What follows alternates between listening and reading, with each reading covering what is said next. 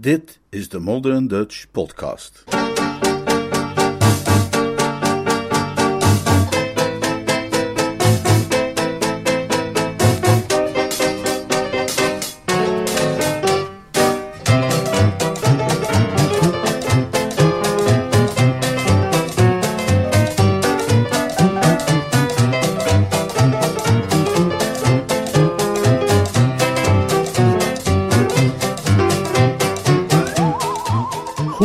Bezig, Jeeves. Door P.G. Woodhouse. De glanzend nieuwe Nederlandse versie van de roman Right Ho, Jeeves. Vertaald en voorgelezen door Leonard Beuger.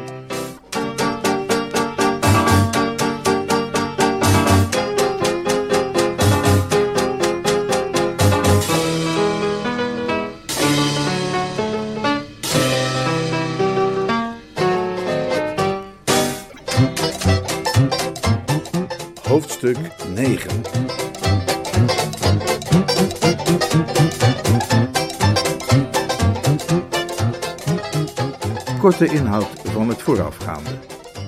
Het verhaal speelt zich af op Brinkley Court, het huis van tante Dahlia in Worcestershire.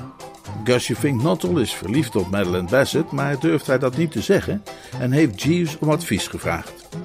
Bertie heeft al een lichte oneenigheid met Jeeves over een wit officiersjasje dat hij uit Cannes heeft meegebracht en het irriteert hem dat zijn vrienden Jeeves om raad vragen en niet hemzelf. Tante Dahlia wilde dat Bertie de jaarlijkse prijzen zou uitreiken aan de leerlingen van het plaatselijk lyceum, een angstaanjagende taak die hij echter handig heeft weten af te schuiven op Gussie. Bertie's nichtje Angela verbreekt haar verloving met Tuppy Glossop omdat die niet wil geloven dat zij in Cannes bij het waterskiën is aangevallen door een haai. Bertie raadt Tuppy aan om niet te eten tijdens het diner, zodat Angela zal merken dat hij, die normaal een grote eter is, wegkwijnt om haar. Tuppy vindt het een goed idee, al meent hij dat Bertie het niet zelf verzonnen heeft, maar Jeeves. Daar voelt Bertie zich door beledigd.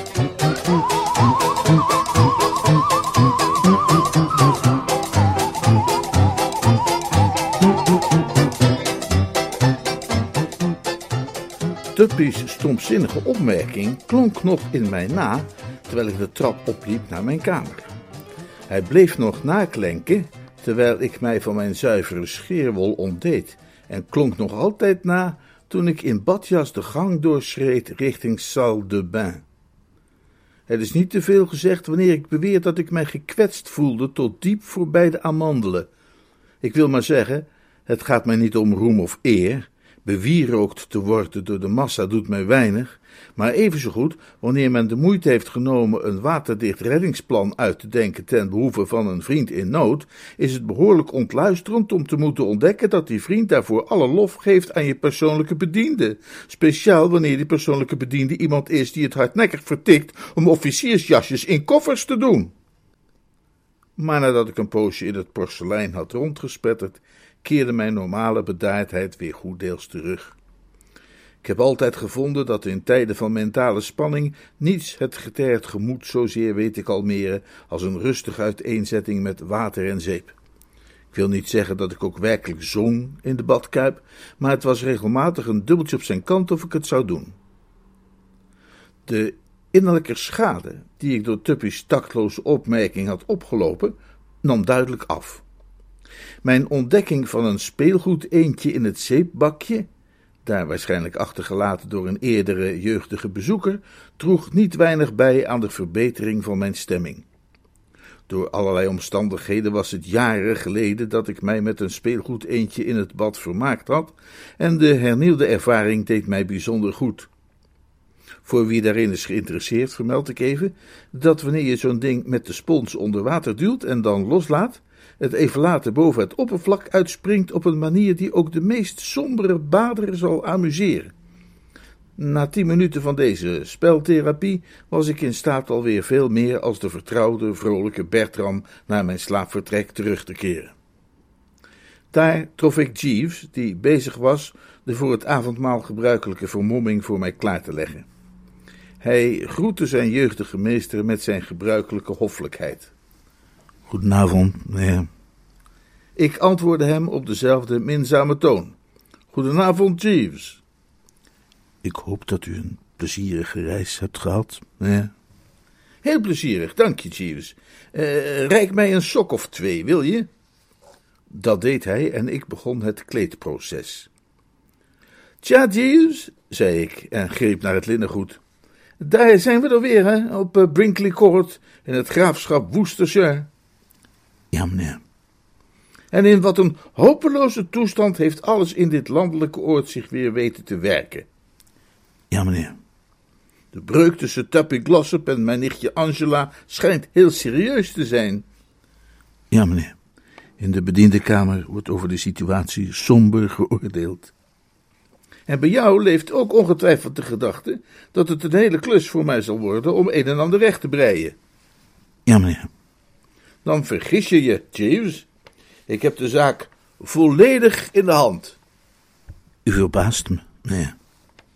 Dat dacht ik wel. Ja, Jeeves, onderweg hierheen heb ik eh, grondig over die kwestie nagedacht en met uiterst gunstig resultaat. Werkelijk, meneer. Zou ik mogen informeren? Je kent mijn methode, Jeeves. Pas die toe. Heb jij, vroeg ik, terwijl ik mijn overhemd aanschoot en mijn das begon te strikken, wellicht ook op dat probleem zitten broeden? O, zeker, meneer. Ik ben altijd zeer op Miss Angela gesteld geweest en het leek mij een plezierige gedachte in staat te kunnen zijn haar een dienst te bewijzen. Een lofwaardige intentie, maar ik neem aan dat het niks geworden is. Integendeel, meneer, mijn denkactiviteit werd beloond. Oh ja?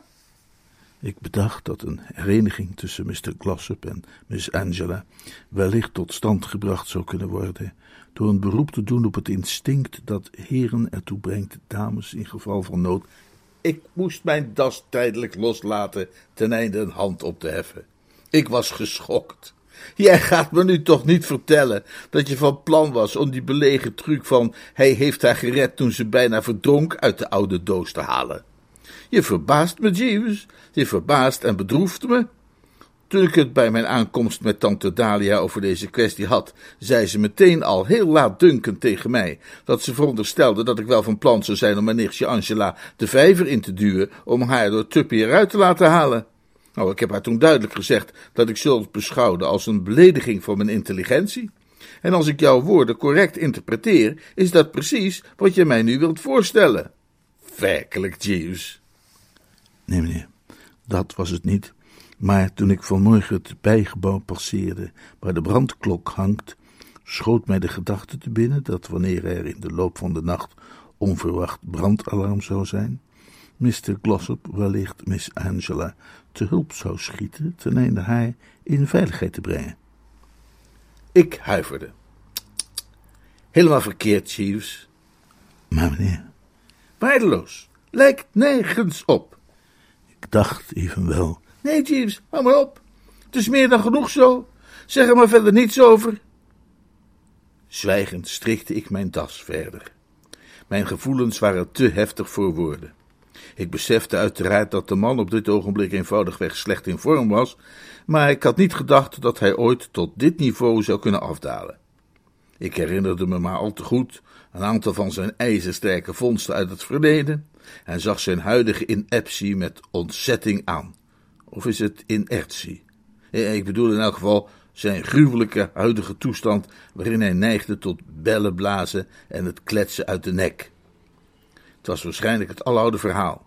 Jarenlang gebruikte een mens zijn hersenen voornamelijk in de allerhoogste versnelling, totdat de radertjes het plotseling niet meer bijbenen, het hele stelsel hopeloos in de war raakt en tenslotte onwrikbaar vastloopt. Wat erg bewerkelijk, zei ik in een poging het hem zo vriendelijk mogelijk onder ogen te brengen. Je oude fout, hm? Je ziet natuurlijk zelf ook wel dat wat jij voorstelt een tikje te bewerkelijk is, toch? Wellicht zou een dergelijke kritiek inderdaad van toepassing kunnen zijn op het plan dat ik opperde, meneer. Maar faute de mieux. Dat uh, volg ik even niet, uh, Jeeves. Een Franse uitdrukking, meneer, die zoveel betekent als bij gebrek aan beter. Een ogenblik daarvoor had ik voor dit wrak van wat ooit een groot denker was geweest, uitsluitend een licht medelijden gevoeld. Deze woorden echter hadden mij gestoken en riepen een zekere gestrengheid bij mij op. Ik begrijp uitstekend wat faute de milieu betekent, Jeeves. Ik heb niet voor niets recentelijk twee maanden doorgebracht te midden van onze Gallische buren.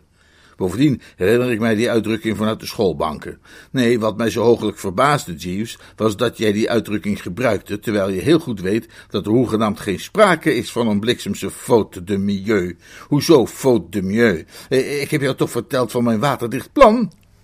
Ja, meneer, maar... Wat maar? Tja, meneer... Ga door, James, ga door. Ik ben geïnteresseerd. Ja, zelfs reuze nieuwsgierig om te horen wat jij ervan vindt. Tja, meneer... Als ik dan zo vrij mag zijn u daaraan te herinneren, uw plannen zijn in het verleden niet altijd even succesvol gebleken. Er viel een korte stilte. Een nogal gespannen stilte, moet ik zeggen, gedurende welke ik op veelbetekenende wijze mijn vest aantrok. Pas toen ik het gespje op de rug naar tevredenheid had vastgefriemeld, hernam ik het woord. Het is juist, Jeeves, zei ik op vormelijke toon, dat ik er in het verleden wel eens een enkele keer naast heb gezeten. Dat heb ik echter steeds moeten toeschrijven aan niet te voorziene tegenslag. Werkelijk, meneer. En in dit geval kan er niets misgaan. Ik zal je uitleggen waarom. Omdat mijn plan gebaseerd is op de fundamentele aard van de mens. Werkelijk, meneer. Het is een heel eenvoudig plan, niet in het minst bewerkelijk, en bovendien dus geworteld in de persoonlijkheidspsychologie. Werkelijk, meneer? Jeeves, zei ik, houd toch eens op met dat werkelijk, meneer. Het is ongetwijfeld verre van je bedoeling, maar je hebt de neiging dat wij te verlengen en te benadrukken en dan dat knuk erachteraan te laten hobbelen op een manier die de hele uitdrukking op tergende wijze doet klinken als een venijnig ironisch oh ja joh. Zorg dat je dat corrigeert, Jeeves. Uitstekend, meneer. Ik zei je al dat mijn plan waterdicht is. Wil je weten welke stappen ik al heb ondernomen? Graag, meneer. Nou, luister dan. Ik heb Tuppy aanbevolen om vanavond tijdens het diner zijn voedsel niet aan te raken. Pardon, meneer? Kom, kom, Jeeves. Het idee daarachter moet je toch duidelijk zijn, ook al was je er zelf nooit opgekomen. Je het telegram vergeten dat ik Gussie Fink Nottel gestuurd heb, met de opdracht de worstjes en de ham te laten liggen? Nou, dit is hetzelfde. Je bord onaangeroerd van je afschuiven is een universeel herkenbaar teken van verliefdheid. Dat kan eenvoudig niet misgaan. Dat, dat zie jij toch ook wel? Tja, meneer. Ik fronste. Ja, ik wil niet voortdurend kritiek leveren op jouw dictie en stemvorming, Jeeves. Maar ik wil je er toch wel op wijzen dat dat tja, meneer, van jou in menig opzicht al net zo onplezierig overkomt als je werkelijk, meneer. Hè? Ook hierin klinkt iets bepaald sceptisch door. Er spreekt onmiskenbaar een gebrek uit aan vertrouwen in mijn visie. De, de, indruk die ik krijg wanneer ik je dat een paar keer op mij hoor afvuren, is dat jij van oordeel bent dat ik uit mijn nek leuter. En dat alleen jouw feodaal gevoel voor verhoudingen je ervan weerhoudt die uitdrukking te vervangen door een ongecensureerd pleurterop. Maar oh nee, meneer. Nou, het klinkt wel zo. En waarom denk jij dan wel dat mijn plan niet gaat werken? Ik vrees dat Miss Angela Mr. Glossop's onthouding eenvoudig zal toeschrijven aan indigestie. Nee. Daar had ik niet aan gedacht. En ik moet toegeven dat ik daar even van schrok. Ik herpakte mij echter al snel. Ik snapte wel wat hier achter stak. Gekwetst door het besef van zijn eigen ineptie, of was het toch inertie, probeerde hij mij simpelweg zoveel mogelijk te ergeren en dwars te zitten. Ik besloot hem zonder verder respijt een stevig de mantel uit te vegen. Oh ja, zei ik, vrees jij dat? Dat mag dan misschien wel zo zijn, maar dat verandert niets aan het feit dat jij het verkeerde jasje voor mij hebt klaargehangen. Wees zo vriendelijk, Jeeves, zei ik, met een gebaar in de richting van het normale smokingjasje of habit de gala, zoals wij zeggen aan de Côte d'Azur, dat op een hangertje aan de knop van de kastdeur hing, om dat suffe zwarte ding in de kast te bergen en mijn witte officiersjasje met de koperen knopen tevoorschijn te halen. Hij keek mij veelbetekenend aan. En als ik zeg veelbetekenend, dan bedoel ik dat er een respectvolle, maar tegelijkertijd toch wat aanmatigende glans in zijn oog verscheen en dat er een soort lichte spierkramp over zijn gezicht trok, die niet helemaal een glimlach was, maar toch ook weer een beetje wel. Dat alles gevolgd door het bekende zachte kuchje. Het spijt me bijzonder, meneer. Maar ik ben bang dat ik het betreffende kledingstuk per ongeluk verzuimd heb in te pakken. Het beeld van dat pakje in de hal leek voor mijn ogen te verschijnen en ik wisselde er een knipoog mee uit. Ik geloof zelfs dat ik een maat of wat neuriede. Dat weet ik niet zeker meer. Ik weet dat jij dat verzuimd hebt, Jeeves, zei ik, terwijl ik mijn ogen traag neersloeg en een stofkorreltje wegveegde van mijn smetteloze manchette van Mechelse kant, maar ik niet. Je zult het in een keurig pakje aan kunnen treffen op een stoel in de hal. De wetenschap dat zijn kuiperijen tot niets waren gereduceerd en dat mijn favoriete tenue toch op de inventarislijst stond, moest hem uiterst onaangenaam hebben getroffen, maar zijn fijngesneden trekken vertoonden daarvan geen enkel spoor.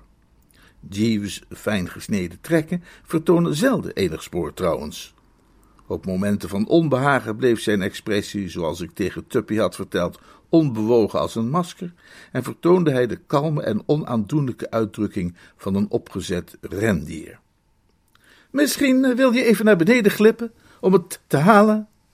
Natuurlijk, meneer. Heel fijn, Jeeves. En even later kuierde ik in de richting van de salon met mijn fraaie mesjacket sierlijk rond de schouders gedrapeerd. In de salon trof ik tante Dalia. Ze keek op toen ik binnenkwam. Zo, hallo, lelijkert. Als wat had jij je vermomd, dacht je? Ik had niet helemaal meegekregen waar ze heen wilde. Uh, mijn jasje bedoelt u? informeerde ik aftastend. Precies. Je ziet eruit als een figurant die een van de gasten speelt op Abernethy Towers in het tweede bedrijf van een muzikale komedie. Vindt u mijn jasje dan niet mooi?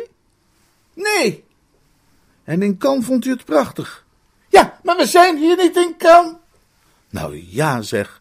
Ach, vind je niet op dat gaan? Als jij mijn butler een lachstuip wilt bezorgen, wat maakt het uit? Wat maakt het allemaal nu nog uit? Er was een doodwaar is uw prikkelachtig element in haar houding dat mij helemaal niet beviel.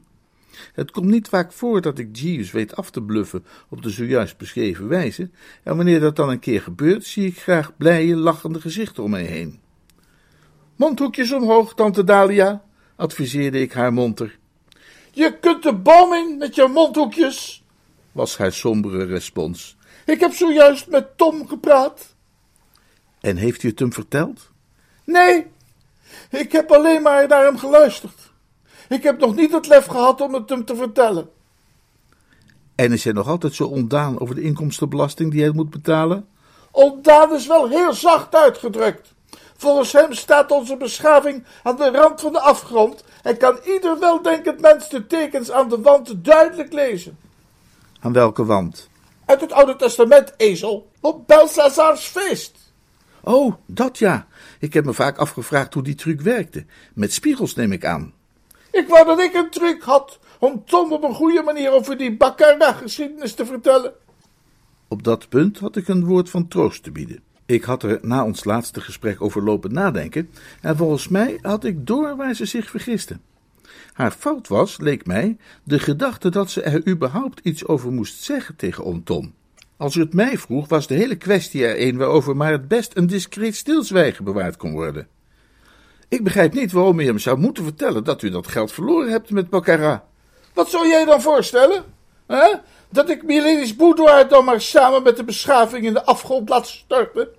Want dat staat onvermijdelijk te gebeuren als ik niet uiterlijk deze week die cheque krijg. De drukker doet al maandenlang vreselijk moeilijk. Nou, u begrijpt niet wat ik zeggen wil, uh, tante. Luister, het is neem ik aan duidelijk dat oom Tom in feite altijd al de rekeningen van de boudoir betaalt. Als dat verdomde krantje al twee jaar bezig is om uit het dal te kruipen, zal hij er ondertussen wel aan gewend zijn elke keer te moeten dokken. Waarom vraagt hij hem dan niet gewoon om het geld voor de drukker? Ja, dat heb ik ook gedaan. Vlak voordat ik naar kan vertrok. En wilde hij het u niet geven? Jazeker heeft hij het me gegeven. Als een echte heer en een officier betaalde hij zonder mopperen. Dat was het geld dat ik bij Baccarat heb verloren. Oh, ah, ja, kijk, ja, dat wist ik niet. Er is veel dat jij niet weet. De liefde van een neef deed mij die insinuatie vrijwel negeren. Tut, tut, zei ik. Wat zei jij? Ik zei tut, tut. Als je dat nog een keer zegt, kunnen oplawaai krijgen. Ik heb al genoeg te verduren zonder dat mensen tegen mij gaan tutten. Oh, natuurlijk. Als er getutut moet worden, dan doe ik dat zelf wel.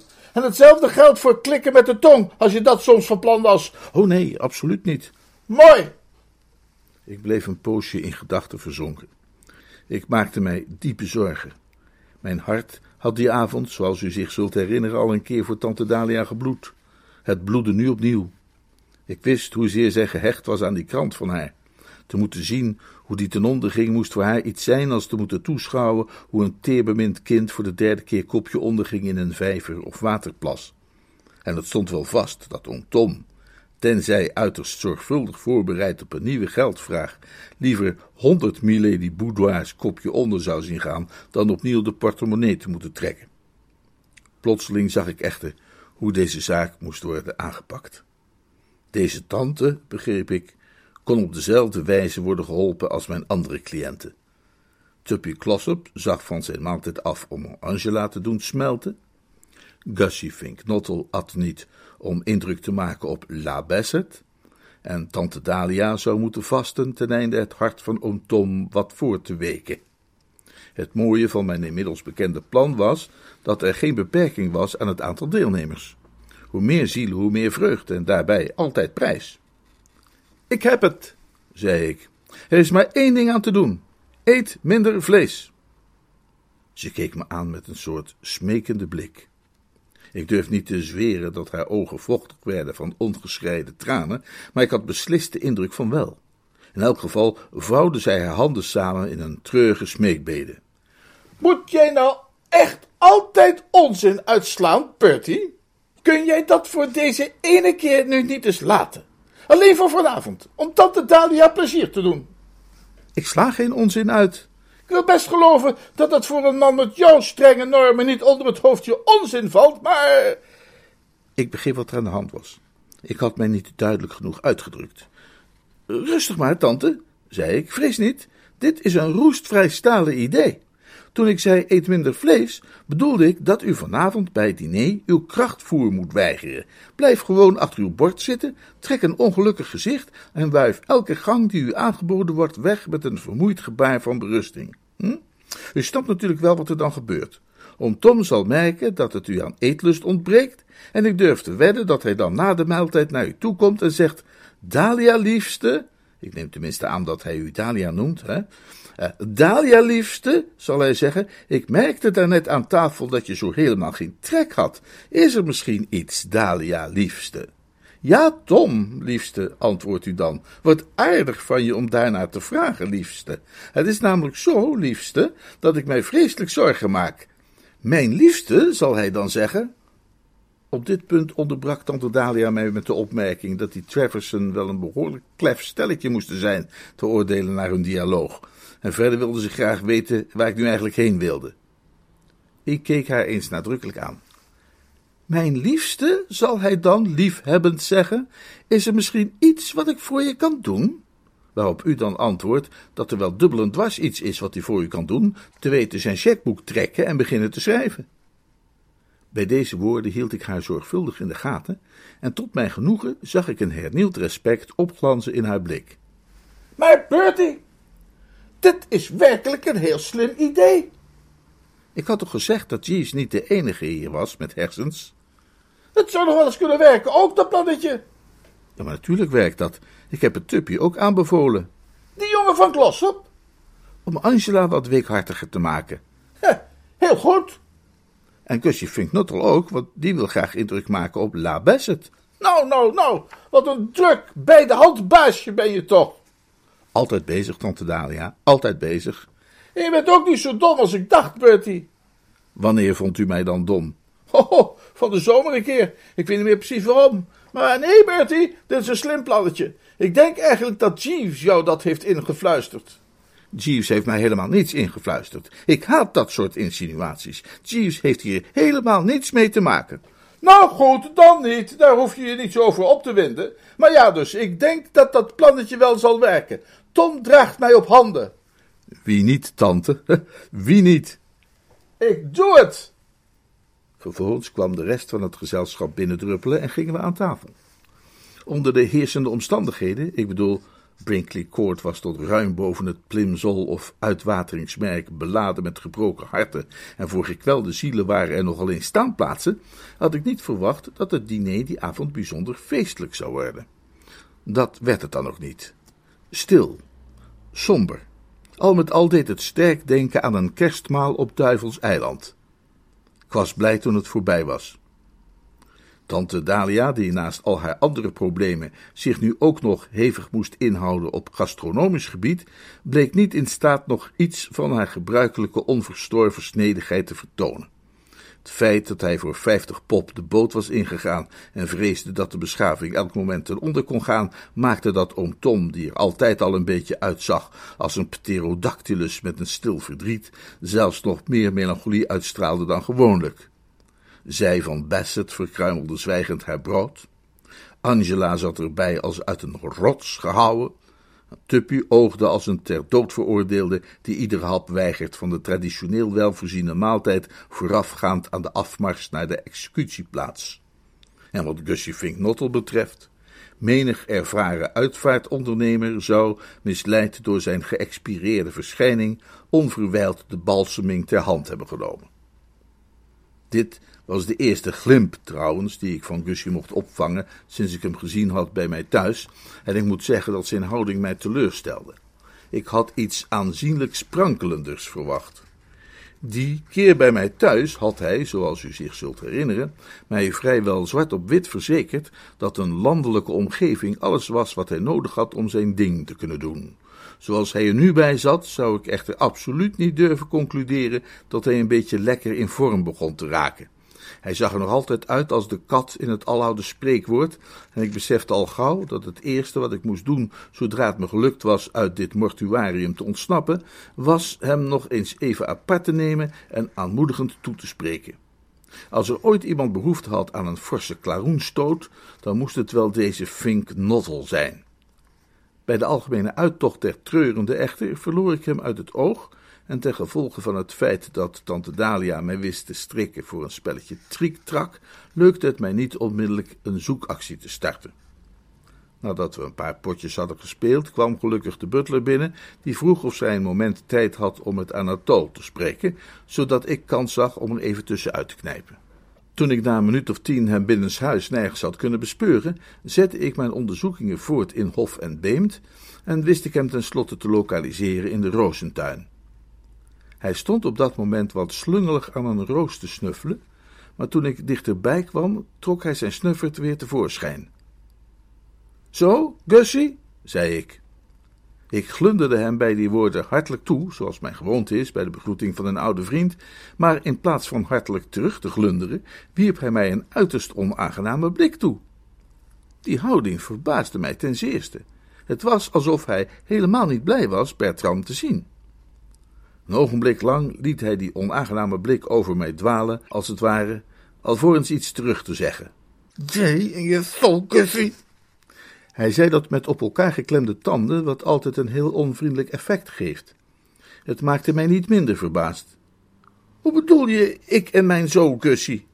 Tja, wel lef zeg, om hier een beetje zo Gussie te gaan lopen roepen. Ik heb meer dan genoeg zo Gussie van jou gehoord, woester. En je hoeft er niet zo verbaasd bij te kijken. Je weet precies wat ik bedoel. Die verdomde prijsuitreiking. Het was een lafhartige daad van jou om je daar onderuit te wurmen en mij met het klusje op te schepen. Ik neem geen blad voor de mond. Het was een ploertige stinkstreek.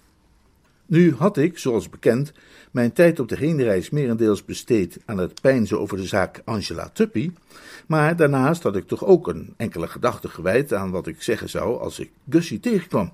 Ik had namelijk een lichte animositeit wel voorzien, en als er een lastig gesprek in het vooruitzicht is, heeft Bertram Booster graag zijn woordje klaar. Ik was dus in staat om op Gussie's aantijging met ferme, ontwapenende openheid te antwoorden.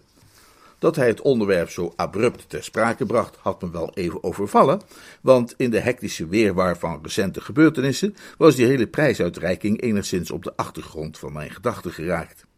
Ik wist mij echter snel te herstellen en kon hem dus, zoals ik zei, met ferme, ontwapenende openhartigheid van repliek dienen. Maar beste kerel, zei ik, Ik heb natuurlijk aangenomen dat jij wel zou begrijpen dat die dingen allemaal deel uitmaken van mijn plan. Hij zei iets over mijn plan dat ik niet correct kon verstaan. Maar dat spreekt toch vanzelf? Dat ik mij er onderuit gewurmd zou hebben, is volkomen verkeerd gezien. Je denkt toch zeker niet dat ik niet dolgraag die prijzen zelf zou hebben uitgereikt? Als het aan mij had gelegen, had ik niets liever gedaan. Maar ik zag in dat het passender en grootmoediger zou zijn om die eer aan jou te gunnen, dus dat heb ik gedaan. Ik voelde dat jouw behoefte groter was dan de mijne. Je wilt me toch niet zeggen dat jij je er niet op verheugt? Hij hanteerde een ruwe uitdrukking waarvan ik niet had gedacht dat hij die kende. Wat overigens maar weer eens bewijst dat ook wanneer men zich ver weg op het platteland verscholen houdt, het mogelijk is een brede vocabulaire op te bouwen. Men pikt dat soort dingen dan toch op de een of andere manier op uit zijn omgeving. Van de dominee, de dorpsdokter, de melkboer en ga zo maar door. Verdorie, zei ik, snap je dan niet wat dat voor jou betekent? De aandelen Gussie zullen met sprongen omhoog gaan. Daar sta jij dan, op dat podium, een romantisch, indrukwekkend personage, de ster van het hele gebeuren, het centrum van ieders aandacht, de, hoe, hoe heet het, van ieders blik. Madeleine Bassett zal weg van je zijn. Ze zal je in een heel nieuw licht zien. Oh ja, denk je dat? Gegarandeerd. Augustus Vinknotter, de salamandervriend, die kent ze. Wie Augustus Vinknotter, de hondenpodoloog is, dat weet ze ook. Maar Augustus Vinknotter, de spreker, de redenaar, daar zal ze verplet van staan, of ik weet niet meer hoe een vrouw in elkaar zit. Vrouwen zijn stapel op mannen die in de schijnwerpers staan. Nee, als er ooit iemand een ander een gunst heeft bewezen, dan was ik dat toen ik deze buitengewoon aantrekkelijke opdracht aan jou heb gegund. Mijn welsprekendheid leek indruk op hem te maken. Dat kon ook eigenlijk niet anders. Het vuur doofde achter zijn hoornen bril en in plaats daarvan verscheen de vertrouwde visachtige oogopslag. Hm, ja, zei hij peinzend. Heb jij wel eens een toespraak gehouden, Bertie? Oh, zo vaak. Tientallen keren. Eitje, stel niks voor. Joh, ik heb zelfs wel eens een toespraak gehouden op een meisjesschool. En jij was niet zenuwachtig? Helemaal niet. En hoe ging dat? Ze hingen aan mijn lippen. Ik wond ze eenvoudig op mijn vinger. Ze gooiden niet met rotte eieren of zo? Niks hoor. Hij ademde langdurig uit en bleef enige tijd zwijgend naar een passerende naaktslak kijken.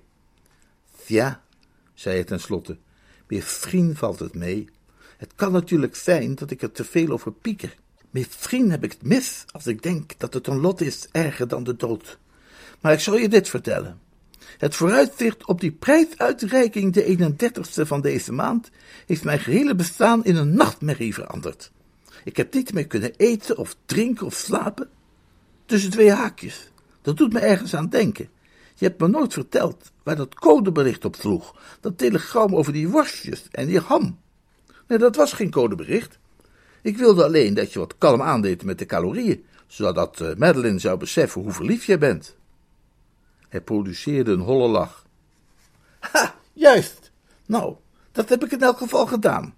Ja, dat zag ik tijdens het diner. Prima. Ik weet niet wat daar zo prima aan is. Mij gaat het in elk geval niet helpen. Ik zal haar nooit ten huwelijk kunnen vragen. Daar zou ik de moed nog niet voor kunnen opbrengen, al zou ik de rest van mijn leven op droge biscuitjes teren. Maar Jan Dory Gussie, in deze romantische omgeving. Ik zou gedacht hebben dat alleen al het gefluister van de bomen hier. Het kan me niet schelen wat jij gedacht zou hebben. Ik kan het gewoon niet. Ach, kom op. Nee, echt niet. Ze is zo gereserveerd. Zo afstandelijk. Wel, nee. Wel, ja. Vooral wanneer jij van opzij ziet. Heb jij wel eens van opzij gezien, Bertie? Dat koele, reine profiel. Die aanblik ontneemt de mens alle moed. Wel, nee. Wel, ja, dat zeg ik je. Wanneer ik dat zie, bevriezen mij de woorden op de lippen. Hij uitte die woorden op zo'n dof, wanhopige toon, en het was zo duidelijk dat het hem ontbrak aan pit en veerkracht en aan die echte winnaarsmentaliteit, dat ik moet toegeven dat ik mij een tikkeltje verslagen begon te voelen. Het leek een hopeloze zaak nog langer te proberen zo'n menselijk weekdier van een beetje ruggengraat te voorzien. Maar toen zag ik opeens de oplossing. Dankzij die buitengewone geslepenheid van mij realiseerde ik me exact wat er diende te gebeuren om ervoor te zorgen dat onze Fink Nottel alsnog met zijn neus langs de finishlijn zou komen. Ze moet voorbewerkt worden. Wat moet ze worden? Voorbewerkt, in de week gezet, klaargestoomd. Er moet voorbereidend graafwerk worden verricht. Luister, Gussie, dit is het draaiboek dat we gaan volgen. Ik ga nu terug naar binnen en lok die Bassett mee voor een wandelingetje. Tijdens dat wandelingetje zal ik haar dan vertellen over harten die smachten en en passant laten doorschemeren dat er één zo'n hart hier in het pand aanwezig is. Ik zal mijn best doen en het er goed dik bovenop leggen. Jij blijft intussen een beetje in de buurt rondhangen en over een kwartiertje kom je dan zogenaamd toevallig langs en neemt het van me over. Tegen die tijd zijn haar gevoelens gewekt en is het voor jou verder een fluitje van een cent. Je springt als het ware op een rijdende bus. Ik weet nog dat ik als kind op school een of ander gedicht uit het hoofd moest leren over een kerel die Pig nog iets heette. Een beeldhouwer moet dat geweest zijn, die een beeld gemaakt had van een meisje. En niet te geloven, maar op een ochtend is dat verrekte beeld opeens tot leven gekomen. dat was natuurlijk even schrikken voor die kerel, maar waar ik naartoe wil is dat er in dat gedicht een paar regels waren die, als ik het goed onthouden heb, als volgt klonken. Zij rilt, zij trilt, het is of daar stuit de golf des levens op haar huid. En wat ik nu maar wil zeggen, is dat er geen betere beschrijving te vinden is van wat er met Gussie gebeurde op het moment dat ik mijn plan ontvouwde.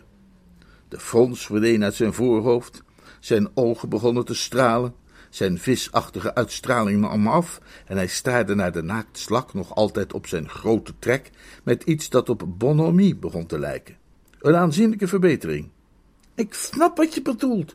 Je wilt het pad voor me effenen, als het ware. Precies, het voorbereidende graafwerk. Maar dat is een geweldig idee, Bertie. Dat kan alles uitmaken. Juist. Maar je moet niet vergeten dat het vervolgens aan jou is, hè? Je zult even stevig in je handen moeten spugen en met een goed verhaal tegen haar komen, want anders is al mijn werk voor niets geweest. Er leek weer iets van de hopeloze klungel van voorheen in hem terug te schieten. Hij hapte even naar adem. Dat is waar. Wat moet ik in hemelsnaam tegen haar zeggen? Ik wist mijn ergernis met enige moeite te bedwingen. Ik had tenslotte met hem op school gezeten. Er zijn verdorie honderden dingen die je tegen haar kan zeggen. Over de zonsondergang bijvoorbeeld. De zonsondergang? Ja, natuurlijk. Zo'n beetje de helft van alle getrouwde mannen is begonnen met een praatje over de zonsondergang. Maar wat kan ik nou zeggen over de zonsondergang? Jeeves had daar pas nog een goede over. Ik kwam hem in het park tegen toen hij de hond aan het uitlaten was en zei... Het glinsterend landschap voor ons oog verdwijnt, meneer, tot plechtige stilte straks de lucht vervult. Nou, dat zou je bijvoorbeeld kunnen gebruiken. Wat voor landschap? Glinsterend, hè? Met de g van gastritis, de l van Lijzebeth. Oh, glinsterend. Ja, niet slecht. Glinsterend landschap. Plechtige stilte. Ja, heel goed, nee, heel goed. Of je zou kunnen zeggen dat je vaak bij jezelf gedacht hebt dat de sterren Gods bloemenkransje vormen. Maar dat heb ik nooit gedacht. Nee, dat mag ik hopen, maar zij wel. Als je daarmee komt, kan het volgens mij niet anders of ze zal je houden voor haar tweede ziel. Gods bloemenkransje? Gods bloemenkransje, ja, madeliefjes, weet je wel? En dan ga je verder over hoe de schemering je altijd zo droevig maakt. Hè? Ja, jij wilt natuurlijk zeggen dat dat helemaal niet zo is, maar voor de gelegenheid zal dat toch heus moeten. Hoezo droevig? Ja, dat zal zij dan ook vragen. En dan heb haar precies waar je haar wilt hebben. Want dan zeg jij dat je zo droevig bent omdat je leven zo eenzaam is. Het is geen slecht idee om vervolgens een korte beschrijving te geven van hoe jij gewoonlijk je avonden doorbrengt bij jou thuis in Lincolnshire en hoe je daar dan met droeve pas door de weiden dwaalt. Nou, ik blijf meestal binnen en luister naar de radio. Helemaal niet. Jij dwaalt bedroeven pas door de weiden, met geen andere wens dan dat er iemand zou zijn die van jou hield, en dan begin je meteen over de dag waarop zij in jouw leven kwam. Als een sprookjesprinses. Precies, zei ik enthousiast. Zo'n sterke had ik niet verwacht uit die hoek. Als een sprookjesprinses. Heel goed, Cassie. En dan? Ja, dan is het verder makkelijk. Je zegt dat je haar iets te bekennen hebt, en dan doe je dat. Kan niet misgaan. Als ik jou was, zou ik het in de rozentuin doen. Het staat wel vast dat je geen handiger zet kunt doen dan de uitverkorene de rozentuin binnen te loodsen in de schemering. En het is ook verstandig om er eerst een paar vlug achterover te slaan. Een paar wat? Borrels natuurlijk. Sterke drank bedoel je? Maar ik drink niet. Wat? Ik heb mijn hele leven nog geen druppel alcohol aangeraakt. Ja, die mededeling maakt me wel een tikje onzeker, moet ik toegeven. Het wordt algemeen erkend dat een redelijke inname toch wel essentieel is. Maar ja, als de feiten zo lagen, kon ik daar natuurlijk weinig aan doen. Tja, dan zul je er het beste van moeten maken op een glaasje prik. Ik drink altijd jus d'orange. Op jus d'orange dan. Maar zeg eens, Gussie, even voor de aardigheid. Vind jij die rommel nou echt lekker? Heerlijk. Ja, dan houdt het op. Maar goed, laten we er nog even doorheen lopen. Je begint dus met het glinsterend landschap. Ster zijn Gods bloemenkransje. Ja, en schemering maakt je droevig. Want leven is eenzaam. Beschrijving van leven. Dan de dag dat ik haar ontmoette. En dan dat geintje over die sprookjesprinses. Je zegt dat je iets moet bekennen, paar diepe zuchten, grijp haar handje en vooruit met de geit. Mooi, klopt. Vol vertrouwen dat hij het scenario in zijn hoofd had en dat alles dus wel volgens de regelen der kunst zou gaan verlopen, ging ik er vandoor en haastte mij terug naar binnen. Pas toen ik mij weer in de salon bevond en haar nog eens goed van dichtbij kon bekijken, merkte ik dat het luchtig enthousiasme waarmee ik aan deze onderneming was begonnen wat begon te tanen. Een serieuze blik op La Besset deed mij plotseling beseffen welke taak ik eigenlijk op mij genomen had. De gedachte aan een wandelingetje in de tuin met dit wonderlijke exemplaar bezorgde mij uiterst onaangename gevoelens. Het schoot me te binnen hoe vaak ik haar, wanneer ik in kan weer eens met haar zat opgescheept, suf had aan zitten staren, met de halfbewuste hoop dat een vriendelijke passant in een snelle sportwagen de situatie zou komen opfleuren door haar onverwacht midscheeps te rammen. Ik heb al eens overduidelijk weten te maken dat dit meisje niet tot mijn meest geliefde kring van vrienden behoorde. Een woester echter houdt zijn woord. Een woester mag dan misschien even terugschrikken, hij zal nooit verzaken. Alleen de allerscherpste luisteraar zou de lichte trilling hebben kunnen waarnemen in mijn stem toen ik haar vroeg of zij misschien iets voelde voor een wandelingetje. Uh, prachtige avond, zei ik. Ja, verrukkelijk, vind je niet? Verrukkelijk, ja. Doet me denken aan Kan. Wat een verrukkelijke avonden waren het daar. Verrukkelijk, zei ik. Verrukkelijk, zei La Bassett. Verrukkelijk, stemde ik met haar in. Tot zover de nieuws- en weerberichten voor het zuiden van Frankrijk en de Riviera. Een minuut later bevonden wij ons in de vrije natuur. Zij tuterde wat over het fraaie uitzicht en ik antwoordde iets in de geest van ah, nou en of. Terwijl ik mij ondertussen afvroeg hoe ik de onderhavige kwestie het best kon aanpakken. Música